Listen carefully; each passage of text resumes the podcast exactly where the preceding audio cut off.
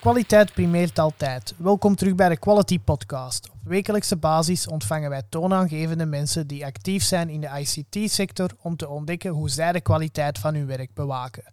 Onze podcast helpt IT-professionals de lat hoog te leggen en die daar te houden in deze spannende tijden.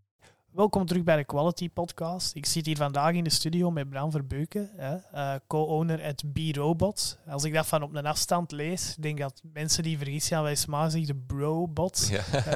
Uh, toen, toen als begin naar mij stuurde van hey, wij hebben iets opgericht, was dat via WhatsApp en dan was het aan elkaar geschreven. Ik had zo echt bro-bots. Ja, dat, dat klopt is wel nice, bro. Ja, ja, en dat is eigenlijk ook de reden waarom dat we het veranderd hebben. we zijn inderdaad initieel opgestart, waarbij dat we Brobots uh, gebruikten. Ah, effectief, ja, effectief. Ehm, en dat klinkt ook wel, ook wel tof, maar we voelden ook wel snel dat er ik kan niet zeggen dat er mee gelachen werd, maar dat het soms ook iets minder professioneel was. Uh, en vandaar dat we na een tijdje toch beslist hebben om de B en de R uit elkaar te trekken. Uh, en B-Robots staat eigenlijk voor business robots, dus uh, dat komt ook nog heel goed uit met hetgene wat dat we doen. maar we zijn inderdaad initieel gestart met Probots, wat dan uiteindelijk B-Robots geworden is. Oké. Nice. Um, over wat exact jullie juist doen, daar ga ik straks ook even terugkomen. Um, ik begin meestal ook zo eens om door de mensen hun LinkedIn te scrollen. Maar ik, ik ga hier al direct een herinnering bovenhalen, want jij hebt ook um, RPA gedaan uh, bij Partena, hè, ja. on behalf ja, ja, B-Robots. en ik, ik, denk dat ik daar toen ook juist met Sammy aanbeland was klopt. voor een ander agile quality traject te doen. Dus dat is, uh, dat is, wel, uh, dat is wel lachen. Kleine wereld. ik denk dat dat nu ook allemaal um, heel aan is ondertussen. Ja, ja, ja, want dat was Partena Mut, waar, dat, waar dat we toen zaten. hè, dus de Franstalige kant. Inderdaad, inderdaad, inderdaad. Dus uh, alleen dat hebben jullie daar succesvol uh, helemaal dat afgerond. Was, ja, dat was eigenlijk ons eerste implementatieproject dat we deden met B-Robots. We hadden al een paar losse zaken gedaan, maar echt op, op corporate level. Ja, iets, dat was echt... Uh... Iets groter gaan implementeren, daar de governance gaan doen, structuren gaan opzetten. Dat was de eerste keer. Um, en dat is iets wat ik daar ook zelf gedaan heb. Bij Jo en ik, we hebben B-Robots opgericht eind 2017. maar we hebben ook altijd wel... we willen zelf ook altijd wel met de, met de voeten in de aarde staan. En we hebben zelf ook altijd wel projecten blijven doen. Ook Jo heel lang nog uh, opdrachten blijven doen bij, bij klanten. Omdat we vinden dat je op die manier ja, de vinger aan de pols houdt en dat je echt het, het eerste lijn ondervindt waar dat je tegenaan loopt. Uh, en die ervaringen help je dan ook om te delen met, andere klanten, om, om ook die ervaringen met andere klanten te kunnen delen, volgende projecten ook beter te doen natuurlijk. Maar het helpt dan ook in, in eerste kennismakingsgesprekken, als je zelf die opdrachten hebt uitgevoerd, uit eerste hand je ervaringen delen en echt op alle vragen kunnen antwoorden en alle uh, ja, belemmeringen die klanten mogelijk kunnen zien om die dan uit de weg te kunnen helpen vanuit een echte e-, eigen ervaring. Ik vind dat dat wel geholpen heeft. En het was ook gewoon leuk. Uh, we combineerden in, in het begin, want we zijn eigenlijk met twee opgestart, Jo en ik, uh, waarbij dat we en het, en het saleswerk en het cijferwerk, maar ook echt de opdrachten voor een heel groot stuk ook zelf deden. Uh, en dat maakte het heel gevarieerd, maar ook, ook super leuk om te doen in het begin. nu is dat natuurlijk iets moeilijker. We zijn ook een stukje groter geworden. Uh, je kunt niet meer alles combineren. Je moet een aantal zaken uh, ja, delegeren. delegeren Maar ja, korte dingen blijven we nog altijd wel zelf doen. Uh, Jo blijft ook nog altijd heel technisch bezig in die zin van kijken waar dat je waar het naartoe gaat, welke nieuwe technologieën en dergelijke. En als er dan bepaalde assessments of zo moeten gebeuren rond structuur en organisatie, dan is dat meer mijn coté. En op die manier blijven we ook gewoon die vinger aan de pols houden. Dus, dus ik vind dat wel leuk en een toegevoegde waarde, en zeker in uw contacten naar de klanten toe. Ja, dat is absoluut zo. Um, allee, ik, heb, ik, heb, zelf ook op die manier allee, uh, meerdere bedrijven opgesteld. Hè. Sommige waar ik vandaag nog mee werk, anderen die daar mij na een tijdje ontgroeien, zal ik maar zeggen. Mhm. Ik ben iemand met een heel sterk ondernemend karakter, maar dat maakt op dat ik snel vooruit wil en dat ik mijn missie op een bepaald moment ook wil afronden. Ik wil een bepaalde groei veroorzaken en eens dat we daar zijn, alles daarna gaat dan meestal in operations over. En dat is waar ik zoiets heb van ja, uh, nu moet ik ofwel terug wat meer met de voeten in de modder gaan staan en, en zo variëteit hebben, want puur, puur ops, dat is niks voor mij uh, om, om, dat te doen. Ja, um, ja samengevat, Beat Robots, echt in een nutshell, is jullie core business, um, zal ik maar zeggen, ja, RPA. Uh, ik denk dat dat op zich iets is dat in een ICT-volksmond wel bekend is, maar misschien mhm. toch nog eens kort aanhalen van ja, wat, wat is RPA juist en hoe verschilt dat van andere vormen van automation dat er in die ICT-markt is vandaag. Ja, dus dat klopt. Hè. We zijn inderdaad uh, eind 2017 begonnen met, met vooral RPA, met Robotic Process Automation. Um, en een RPA-bot is eigenlijk uh, een software-robot, een stukje software dat je configureert of programmeert, zodanig dat dat in staat is om handelingen die mensen uitvoeren op een software systeem, om dat één op één te gaan nabootsen en op die manier die handelingen gaan automatiseren. Dus je hebt, ondanks digitaal, digitalisatie, hebben wij bij onze opstart gezien dat er in toch nog in heel veel bedrijven heel veel administratie uh, nog manueel gebeurt. Heel veel transactioneel werk, copy-pasten, overtippen van zaken, e-mails die binnenkomen en vervolgens daar data gaan uithalen en dat dan over gaan tippen in een ERP-systeem en dergelijke. En dat gebeurde nog heel, heel erg manueel. Um, en dan is RPA, Robotic Process Automation, eigenlijk een hele mooie oplossing om dat transactioneel werk uh, te gaan automatiseren Hè, waarbij dat je dus door gebruik te maken van commercieel beschikbare software, een RPA tool, RPA software, die dat je gaat gebruiken om uh, jouw software robots te gaan, te gaan bouwen, te gaan ontwikkelen, zodanig dat die taken door een software robotje gaan, uh, gaan overgenomen kunnen worden. In hoeverre is dat nog vergelijkbaar? Want ja, ik heb uh, een redelijke track record ook in, in test automation. allee, toch, toch vroeger, vandaag iets minder, hè, maar, maar vroeger daar wel heel hard op ingezet en, en mij in bijgeschoold. En uh, dat was toen vooral front-end werk. hoe eiken die RPA-tools zich tegen die, die testtools? Want ik heb zelf nog nooit een RPA-tool ja. open gedaan. Ja. Je, je, kan het eigenlijk een beetje... Er is overlap. Hè. Dat is ook een reden waarom... Hè, want wij komen zelf, hè, je weet dat waarschijnlijk, wij komen zelf ook uit de software-testingwereld. Um, vooraleer dat we met B-Robots gestart zijn, uh, waren we business unit manager uh, van um, een test automation unit bij Tobania.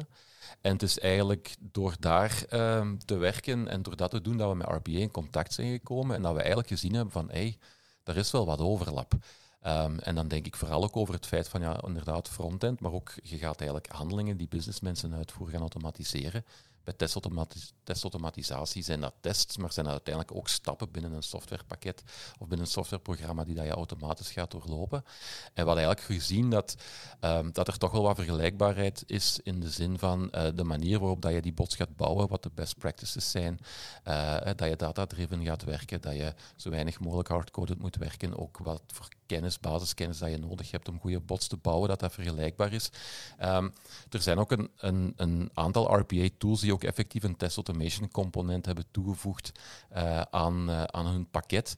Um, en die zien dus inderdaad ook wel dat er, dat er toch wel een overlap is in de manier waarop dat je met testautomatisatie aan de slag gaat en, en RPA. Als je spreekt over die test automation component dat ze dan toevoegen, is het dan eigenlijk om uw eigen RPA-scripts te testen? Of, of om het echt ook breder te trekken, dat je het systeem waar dat je RPA op doet, dat je dat ook eigenlijk kan misbruiken om het te gaan testen. Het is een beetje beide. Ja. Dus ze gaan effectief ook een, ze hebben ook een testmanagement uh, component, dus ze gaan dat ook effectief gaan gebruiken om software te gaan testen en om ervoor te zorgen, want dat is eigenlijk een stukje, want we, we spreken heel veel over, over RPA.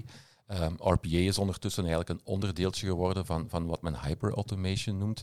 Um, die RPA-tools die zijn zich ook verder uh, aan het uitbreiden en ook ja, meerdere technologieën of, of manieren van automatiseren aan het toevoegen.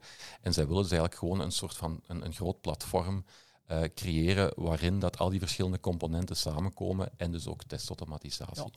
Wat is het concept hyperautomation? Dat je haalt dat nu, nu aan. Uh, ik, allee, ik ben wel al tegengekomen, maar ik heb er, ben er niet echt in diepte op in. Ik kan mij er wel iets bij voorstellen vanuit ja. mijn achtergrond. Maar. Ja, hyperautomation is eigenlijk uh, een, een verzamelnaam van verschillende technologieën die dat je kan gaan gebruiken om administratieve processen te gaan automatiseren. Um, en dat is eigenlijk ook een beetje het pad uh, dat we bij B-Robots afgelegd hebben. En wij zijn ook met RPA begonnen en uiteindelijk geëvolueerd naar het aanbieden van hyperautomation services, om het zo te zeggen. En dat heeft vooral te maken met het feit van, als we even een stapje terugnemen en we kijken naar robotic process automation, wat op zich een hele nuttige en hele sterke technologie heeft, maar die heeft ook wel serieus wat beperkingen. Je bent eigenlijk beperkt tot um, stabiele applicaties die weinig veranderen, stabiele processen die weinig veranderen en de processen moeten regelgedreven zijn. Als je dat proces wil gaan automatiseren, dan moet je je hele proces in regeltjes kunnen gaan gieten. Uh, en, dan liefst zo weinig mogelijk deviations. En liefst zo weinig mogelijk deviations, want elke afwijking, elke deviatie moet je eigenlijk gaan programmeren in je software-robot zodanig dat hij daarmee overweg kan. Um, waardoor dat er toch heel wat kon geautomatiseerd worden, maar die beperkingen die dat er zijn, zorgen ook wel dat er heel wat ja, automatisatiepotentieel blijft liggen. En hyperautomation is eigenlijk gaan kijken van oké, hoe kun je meerdere technologieën gaan toepassen om zoveel mogelijk use cases te gaan automatiseren. En twee van die service branches dat we er eigenlijk aan toegevoegd hebben aan RPA, dat is uh, eh, AI-automatisatie, dus eigenlijk artificiële intelligentie gaan toepassen om uw RPA-bots te gaan versterken. Uh, en ook low-code development is, uh, is daar aan, aan, toegevoegd. Ja. Absoluut, absoluut. Ja, dat AI-gedeelte, daar, daar komt je ook steeds meer en meer tegen. Ook in een reeks van test automation tools dat wij gebruiken, zit er vandaag ook al self-healing capabilities in. Ehm, heel hard vaak ook op het ERP-front, waarbij dat je eigenlijk software hebt dat je ideale pad gaat uitvoeren, maar als dat merkt dat het dat niet kan, dat dat gewoon letterlijk een ander pad kiest dat available is en dan gewoon zegt van hey, ik heb het zo gedaan, maar uw core business proces werkt nog. En, en dat vind ik wel nice, want dat AI-gedeelte is voor de meesten een black box. Mhm.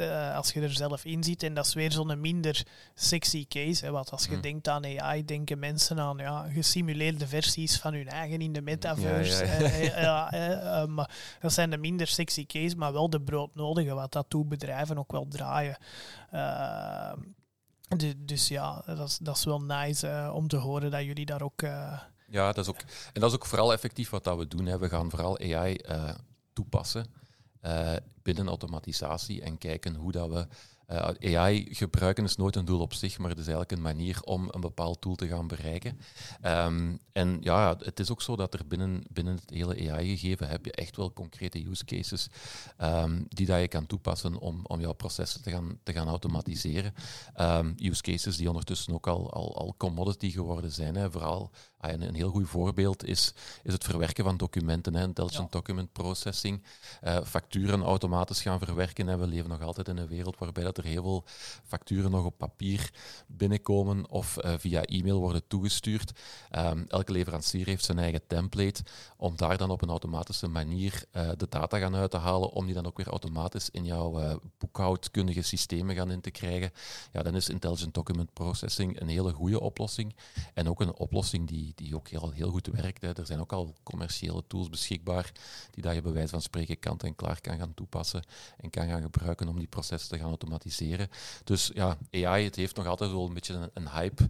Uh, aura rond zich en, en de metaverse en, en de mensen gaan vervangen en dergelijke. Maar het is ook gewoon enorm toepasbaar uh, op heel wat dagdagelijkse use cases. En dat is ook iets waar we ons mee bezighouden. En wat dat ook wel heel leuk is om te doen, uh, dat je die dingen ook gewoon toepasbaar kan gebruiken en je klanten mee kan helpen. En dat is wel heel leuk om te absoluut, doen. Absoluut, De metaverse staat trouwens ook op onze, op onze podcastplanning. zeker nu mhm. dat uh, Mark Zuckerberg 70 miljard dollar eraan heeft verbrand en dat blijkbaar de wereld de resultaten nog redelijk teleurstellend mm vond.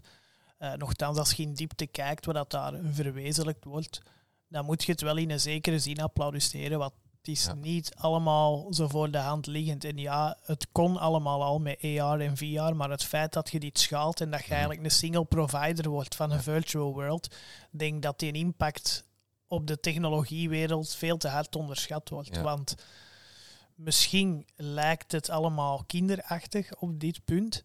Ja, visueel. Maar, maar, maar, maar, binnen dit en vijf jaar, dan gaat elk bedrijf daarop moeten zitten. Wat Sun maken het base-platform. Mhm.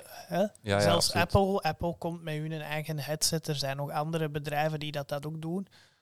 Maar die gaan daarop pluggen. Hè. Ja, ja, absoluut. Allee, het, het, heeft geen zin meer om je eigen ecosysteem te beginnen bouwen als je een hele developer suite hebt voor een metaverse. Dus vanuit dat aspect denk ik dat het richting de investeerders misschien inderdaad een long stretch is mm eer dat geld terugkomt. Maar ik geloof er wel in dat dat gaat terugkomen. Ja, ja. Uh, losstaand vandaag sprak er juist uh, over van ja, voor RPA te doen moet het proces al redelijk goed zitten en dergelijke. Vanuit onze context met ja, end-to-end quality assurance over gehele ICT-departementen zijn wij ook heel bedreven geraakt in process mining. Uh, wij gebruiken daar ook specifieke tools voor, zoals de Celonis Snap. Mhm. Ehm, vanuit het principe dat ja, elk bedrijf laat digitale footprints na. En zeker in ICT, waar we toch al jaren eigenlijk in een zekere vorm agile werken, uh, daar zijn heel veel tools bij gepaard waar er eigenlijk veel informatie in zit rond het eigenlijke proces dat gevolgd wordt. Niet wat dat er afgesproken is. Hè. Mhm, Het eigen ja. proces dat gevolgd wordt, hè, waar dat je je werk mee beheert, dat heeft allemaal logs.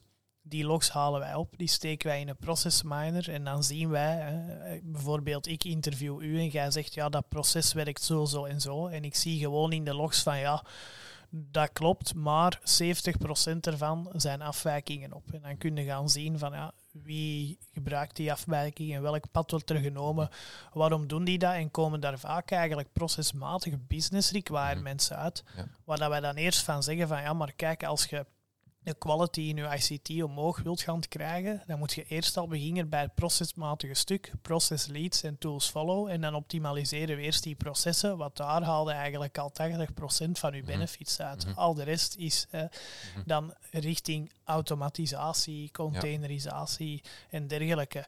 Is dat iets dat jullie ook mee oppikken of komen jullie er met B-robots bij op het moment dat ze zeggen ja, we hebben het gevoel dat we automation ready zijn. Ik zeg wel het gevoel. Ja, ja, ja. want veel bedrijven zeggen dat, dat ze automation ready zijn, totdat je effectief door de voordeur stapt. Ja, nee, dat klopt. Eh, dat is, ah, hetgeen wat jij nu vertelt is iets wat wij, wat wij absoluut ook ervaren en waar wij, waar dat wij ook mee aan de slag gaan.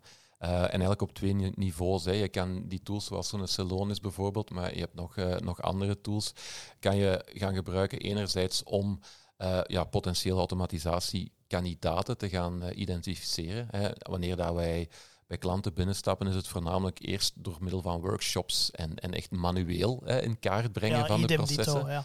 Ehm, en, en, en vervolgens dan een, analyse van die processen doen. En dan komen we eigenlijk bij het. Hè, dus daarvoor zou je in principe die tools al kunnen gebruiken. En ga je eigenlijk ook ja, voorbij of verder dan process mining, maar bestaan er ook al task mining tools. Dus waarbij dat je niet enkel gebruik maakt van de logs die dat eh, als footprint worden achtergelaten door de softwaresystemen, maar waarbij dat je ook ehm, die tools kan installeren op de werkstations van medewerkers.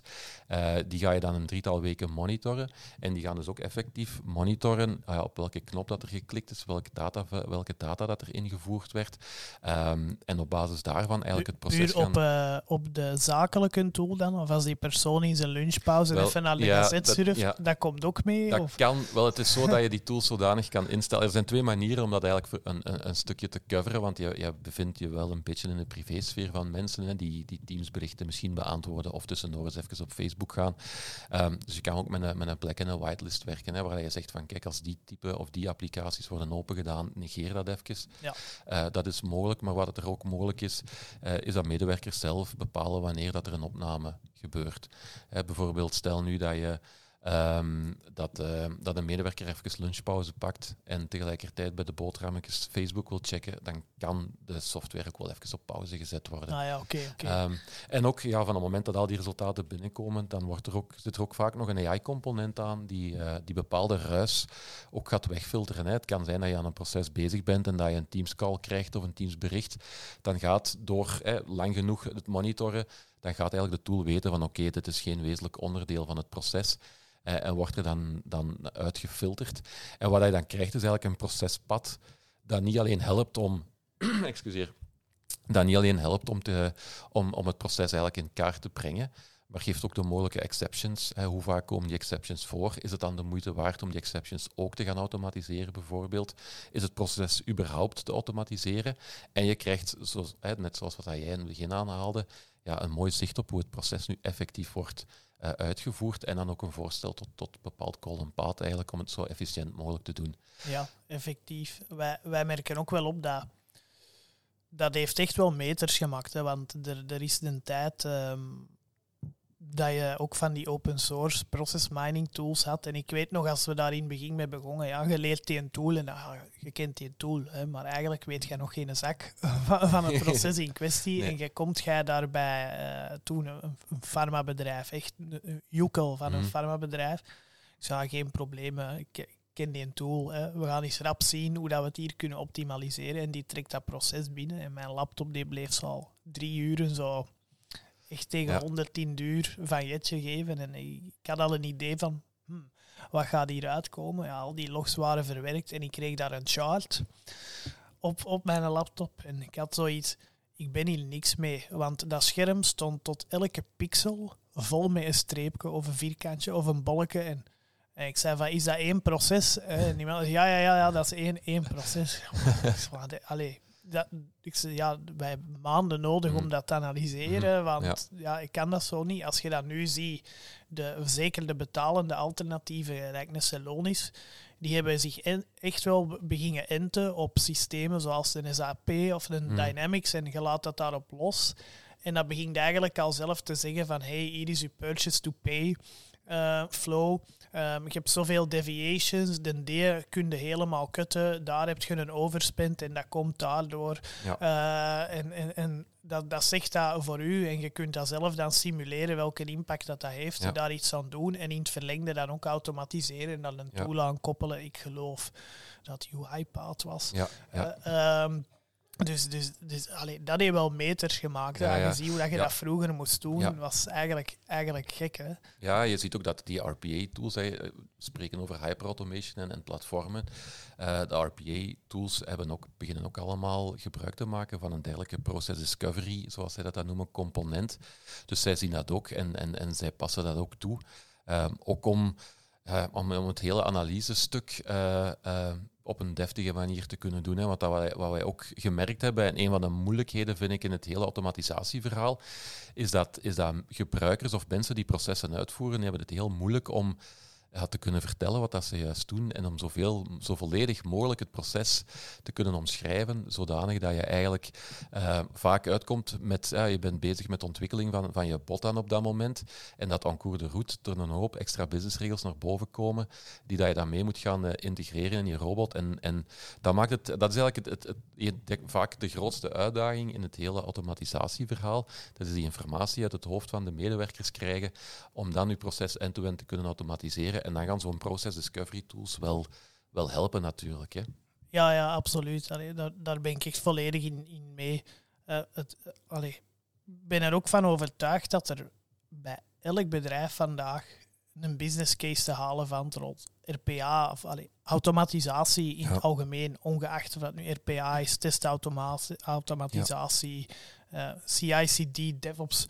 Er is overal wel een valid business case te halen. Hè. Dus vanuit dat perspectief denk ik ook wel dat jullie met B-robots, eh, ook desondanks misschien moeilijkere economische tijden, wel een mooi vooruitzicht hebben, omdat bedrijven nu misschien nog meer op Ja. automatisatie Ja, ja. willen gaan inzetten, want het, het wordt financieel moeilijker. Dus als er een plaats is dat je kosten kan kutten, Ja. is, is het daar wel. Maar hoe gaan jullie met B-robots bijvoorbeeld de kwaliteit van die automated flows gaan bewaken? Wat, wat dat je tussen de lijnen zegt, is dat je in essence eigenlijk een stuk software maakt Mhm. dat zich als de cement tussen de bestaande bakstenen, of als nieuwe cement tussen bestaande al poreuze bakstenen Mhm. vaak, gaat begeven om alles aan elkaar te koppelen. En ik, ik, ik heb een technische achtergrond, dus ik ben bij mij dan al bedenken van ja, oké, een SAP automatiseren, oké, ja, goed. Hè, Dynamics automatiseren, ça va nog. Maar laten we er eerlijk in zijn, eh, bij heel veel grotere bedrijven, AS400 staat daar nog, Cobol is daar nog leading in heel, veel Ja, plaatsen. ja. Ehm, ik heb recent ook een cloud-rapport gelezen. Ehm, desondanks dat veel bedrijven roepen dat ze naar de cloud zijn gegaan, is er in België eigenlijk maar voor 54% cloud-maturiteit. Mhm. Dus dat wil zeggen, 54% van de Belgische grotere bedrijven, die hebben iets in de cloud draaien, maar doen dat daarom nog niet optimaal. Mhm. Dus hoe zorg je ervoor dat die lijm ertussen dat jullie creëren, dat dat ook blijft draaien en heel betrouwbaar is? Want met testautomatisatie, een flaky test, dat uw eigen schuld is, hè, dat je niet goed hebt Mhm. geprogrammeerd of, of een omgeving die verandert en je moet dat aanpassen, dat is op zich Mhm. allemaal nog niet zo erg. Dat is gewoon een false positief of een false negatief. Maar een RPA-script dat niet deftig loopt, en de paletjes geraken niet op de camions geladen. Ja. Dat heeft echt een business impact. Ja, ja. Dus hoe, hoe bewaken jullie de kwaliteit daarvan? Wel, eh, wel, eigenlijk is het daarom goed dat wij ook uit een software testing eh, wereld komen, of eh, dat we die een achtergrond hebben. En eigenlijk beschouwen wij de bouw van een RPA-robot, ook al is dat soms een klein robotje, beschouwen wij als ja, de ontwikkeling van een stukje software, waarbij dat je ook al die stappen gaat doorlopen die dan nodig zijn als je een applicatie bouwt. Hè. Dus dat wil zeggen dat wij ja, ook eerst requirements gaan uh, benaderen, op basis daarvan het proces in kaart gaan brengen, dat wij de robot ook gaan bouwen in een development omgeving. Uh, dat je daar ook hè, telkens kleinere stukjes gaat runnen, gaat testen, gaat valideren met de business. Dat je ook uh, je test gaat doen in een development omgeving, dus dat je zeker in productie nog geen, geen dingen kan doen. Dat we ook end-to-end een acceptatie gaan testen. Dus dat we eigenlijk, ja, om, een, om een lang verhaal kort te maken, gewoon dezelfde stappen doorlopen als de stappen die dat je doorloopt bij de ontwikkeling van een normaal uh, stukje software. Um, dus, dus dat is eigenlijk de manier waarop dat we, dat we dat doen. Ook is het zo dat wij van het moment dat de robot in productie gaat een hypercare-periode uh, inlassen, dat we zeker die eerste runs heel goed samen met business gaan kijken van oké, wat heeft de robot nu gedaan en, en, en zijn die resultaten zoals verwacht. Um, dat we zeker ook natuurlijk hè, die testen allemaal te goed gevalideerd hebben vooraleer uh, dat we daarmee doorgaan. Um, nu, het grote voordeel van zo'n RPA-robot, want je hebt inderdaad, de, de, de, de business impact is groot.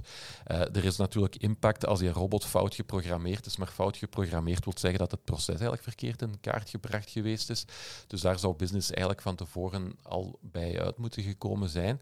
En zo'n robot is eigenlijk is, is gelukkig ook dom genoeg om ook geen fouten te kunnen maken. Um, stel nu dat er uh, toch iets voorkomt waarvoor dat die robot niet geprogrammeerd is, ja, dan gaat hij ook niet verder gaan. En gaat hij doorgeven van kijk, ik heb hier een taak gehad, ik kan hier niet meer verder. En dan komt dat ben... terecht in iemand zijn mailbox of ja, zo? Ja, ja, dus ja. je kan het eigenlijk op verschillende manieren doen. De, de manier waarop dat het meestal gebeurt, is dat uh, de, de key business user krijgt na elke run een rapportje waarin uh, staat welke taken zijn uitgevoerd, uh, welke taken succesvol en indien niet succesvol, of dat dan een systeemexception is, wat dus eigenlijk wil zeggen dat er misschien een bug is, of dat er eigenlijk een omgeving is platgegaan dat de robot zijn ding niet heeft kunnen doen, um, of een business exception, hè, dus dat de robot een bepaalde taak niet gedaan heeft, omdat hij weet dat hij die in dat geval niet mag doen. Dus in principe is dat eigenlijk ook, ja, in principe is zo'n RPA-bot kwalitatief gezien, geeft u dat meer zekerheid dan aan een medewerker het doet. Um, waarom? Omdat ja, de taken die dat zo'n robot vaak doen, dat zijn niet de meest aangename taken. Mensen vervelen zich snel als ze dat type van taken moeten doen, waardoor dat ze wat sloppier worden en makkelijker fouten maken. Of dan een robot dat nu 10 of 15 keer moet doen, die kan ook gewoon fysiek die fout niet maken. Die kan alleen maar doen zoals dat je hem geprogrammeerd hebt. Dus als je dat van tevoren goed hebt afgecheckt met voldoende use cases en het proces voldoende in kaart gebracht hebben, kan er in principe in productie het enige wat er kan gebeuren is dat het proces veranderd is of de applicaties waarop de robot werkt. En dan gaat de robot stoppen met werken, maar niet beginnen te freewheelen. Dus, um, dus op dat vlak uh, okay. is dat wel quite ja, safe. Nice. Ik, ik kom op dat kwaliteitsgegevens nog terug, maar je hebt mij getriggerd door te zeggen van ja, mensen eh, geraken soms verveeld door bepaalde taken in een bepaald proces te moeten doen. Ik heb daar onlangs een, um, een studie over gelezen, wat eigenlijk blijkt dat hoe meer monkey jobs iemand moet doen, hoe meer stress die persoon eigenlijk heeft. En dat leek mij een rare, want je hebt zoiets, ah, dat is een hersendood iets. Je zei heel de tijd hetzelfde aan het herhalen, maar blijkbaar creëert dat onderliggend enorm veel stress, omdat die mensen eigenlijk, die haten dat gedeelte al van hun job. Ze willen daar zo snel mogelijk vanaf zijn. Dus ze willen dan snelheid maken. En zeker als je spreekt over misschien iets minder performante systemen. Ja, elke hiccup moeten ze wachten. En mm -hmm. allee, dat zorgt voor significante bloeddrukverhoging. Ze hebben echt mm -hmm. testen gedaan mm -hmm. voor significante bloeddrukverhoging, werkstress op langere termijn, fysieke aandoeningen. En zo gingen ze eigenlijk de, ja, de collateral damage van die monkey jobs te houden in kaart brengen om te zeggen, ja, als die mensen gaan uitvallen, dat kost u ook geld, dus je kunt beter nu in automatisatie ja, ja. investeren. Dus dat, dat vond ik wel een mooie studie. En ook zeker om te zien dat je vaak de impressie hebt van, goh, iemand moet de hele dag iets op repeat doen. Wat kan die persoon nu stress hebben? Dat dat dus blijkbaar mm. voor meer stress soms zorgt dan de tegenoverhangende leidinggevende, dat in theorie meer kopzorgen of complexere problemen heeft om te tackelen. Dus ja. dat vond ik uh, wel een heel inzichtelijke studie. Ja, dat is ook zo. Ja, en, en dat is ook iets wat dat ons wel een beetje ver, ah, verbaasd heeft, ook, ook een beetje opgelucht heeft. Hè. van het moment dat wij zijn begonnen met B-robots en ons gefocust hebben op het automatiseren van taken, kregen we ook heel vaak de vraag van, ja, maar gaan mensen niet bang worden dat je een, een job gaat afpakken en, en, en, en dat je de bots uh, hun, hun werk gaat inpikken. En eigenlijk hebben wij zien wij in de praktijk dat mensen gewoon super blij zijn dat wij komen om dat werk, juist dat werk uit te er bijna Ja, absoluut, absoluut. En ook ja, het is ook zo, mensen zijn ook niet meer geneigd om dat type van werk nog te willen doen. Uh, en en ja, ik zeg het, de enige toegevoegde waarde van dat, dat, type taken is het feit dat ze moeten uitgevoerd worden en voor de rest niet. Uh, en dan zit je inderdaad ook met mensen die ja, tegen een berg gaan zien om dat te moeten doen en, en, en ja, tegen bore-out bijna uh, aanlopen, wat inderdaad dan ook verklaart die symptomen die dat je nu vertelt. Dus op dat vlak is dat natuurlijk ook wel, wel leuk dat, dat mensen je graag zien komen. Uh, en blij zijn dat je dat, dat type van, van, van vervelend werk uh, uit, handen pakt. Uh, dus dat is op zich ook wel, wel leuk dat je, dat je op die manier kan bijdragen. Ja, zeker. wat ik mij nu nog wel afvraag, RPA, je hebt daar redelijk wat tools in. Sommige zijn redelijk drag en drop, andere wat meer scripting. Is code quality daar het ding zijn dat je ook rekening moet houden met hoe dat je het architecturaal ja. allemaal opzet en, en hoe bewaakte dat dan langs ja. jullie kant. Ja. Dat is effectief, dat is effectief een, een, een correcte opmerking. Um, het is, het is, eigenlijk ja, twee stukjes dat ik daarin in wil, in wil toelichten. Het eerste is dat uh, die RPA-tools positioneren zich enorm als zijn de low-code tools. Hè, wat wil zeggen dat zij ervan uitgaan dat eigenlijk elke businessgebruiker uh, een robot moet kunnen bouwen en aan de slag moet kunnen met dat type van, uh, van, van, uh, van software. Um, wat op high level misschien ook wel kan, maar als je echt goede bots wilt bouwen, lijkt het ons ook altijd wel heel nuttig. Of zijn ervan overtuigd dat je toch een beetje een technische achtergrond of scholing moet gehad hebben.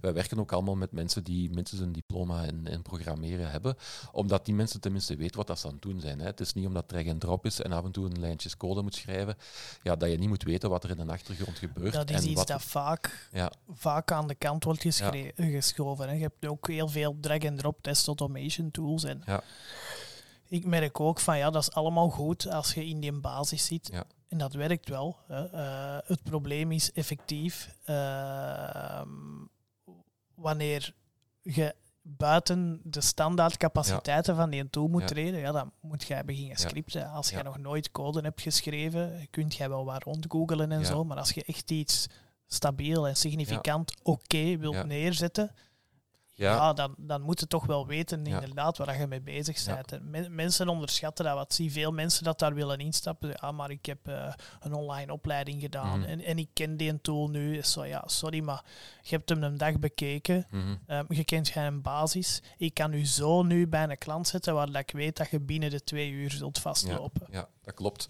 Dat klopt. En het is ook zo, ah, kwaliteit ook. Hè. Kwaliteit van je robots. Je kan vaak bepaalde stappen op verschillende manieren gaan aanpakken en automatiseren. En als je dan toch een, die zekere technische kennis en achtergrond hebt, ja, dan weet je welke de meest stabiele manier is en wat op langere termijn de meest aangewezen manier is.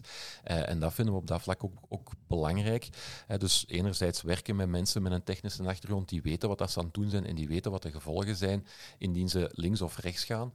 Uh, dat vinden we belangrijk. En dan ook inderdaad code review ook al is het drag and drop en is het low code vaak, um, ja, er zijn best practices omtrent automatisatie en er zijn manieren waarop dat je dingen moet aanpakken. Dus hebben wij ook altijd wel, ook al zijn onze mensen technisch geschoold, uh, als wij mensen met bepaalde ja, die wat minder ervaring hebben en die gaan voor de eerste keer een robot bouwen van een klant, zorgen wij ook echt wel dat er op regelmatige tijdstippen iemand van de seniors naar die code gaat kijken, dingen in vraag gaat stellen en meegeef van kijk, dat kun je beter opnieuw bouwen, want je gaat later daar en daar tegenaan lopen.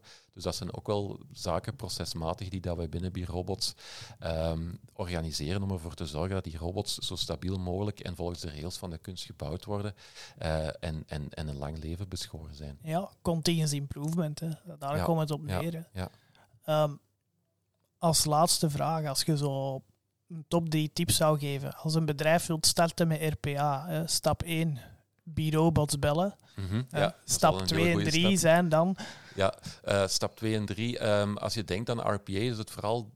Um, wat dat wij altijd zeggen is, is, is, probeer nog niet veel, te veel na te denken over wat er, niet, wat er kan en wat er niet kan, maar ga vooral eens kijken binnen je, uh, binnen je organisatie.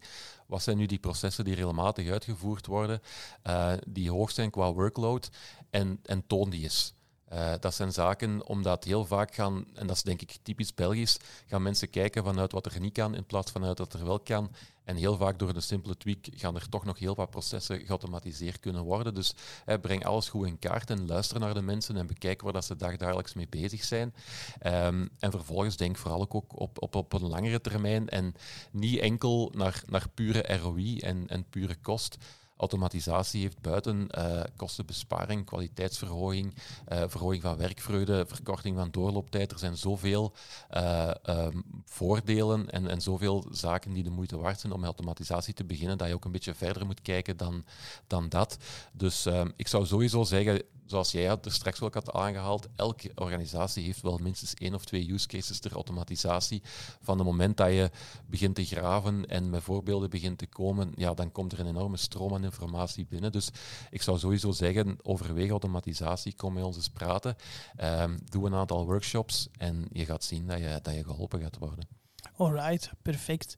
Uh, on that note, Bram, ga ik de conversatie hier afronden. En uh, was het mij een hele eer om u eens tot bij ons in de studio te krijgen. Het was ook al van pre-COVID uh, geleden dat wij elkaar hadden gezien. Hè. Dat is niet normaal hoe dat twee jaar vliegt. Um, voor de mensen die verder interesse in dit verhaal hebben, ik kan eigenlijk gewoon surfen naar birobots.be. En tussen de B en de R ligt een liggenstreepje. dus dat is birobots.be. En voor degenen die het zich moesten afvragen, de sponsor van deze podcast is nog altijd M2Q. gespecialiseerd in software testing kan je ook gewoon via de website naar ons naartoe surfen, zodat we kunnen helpen met alle uitdagingen dat jullie hebben op dat front. Dus dat is www.m2q.be. En ik zou zeggen, tot de volgende keer. Dankjewel, Dien.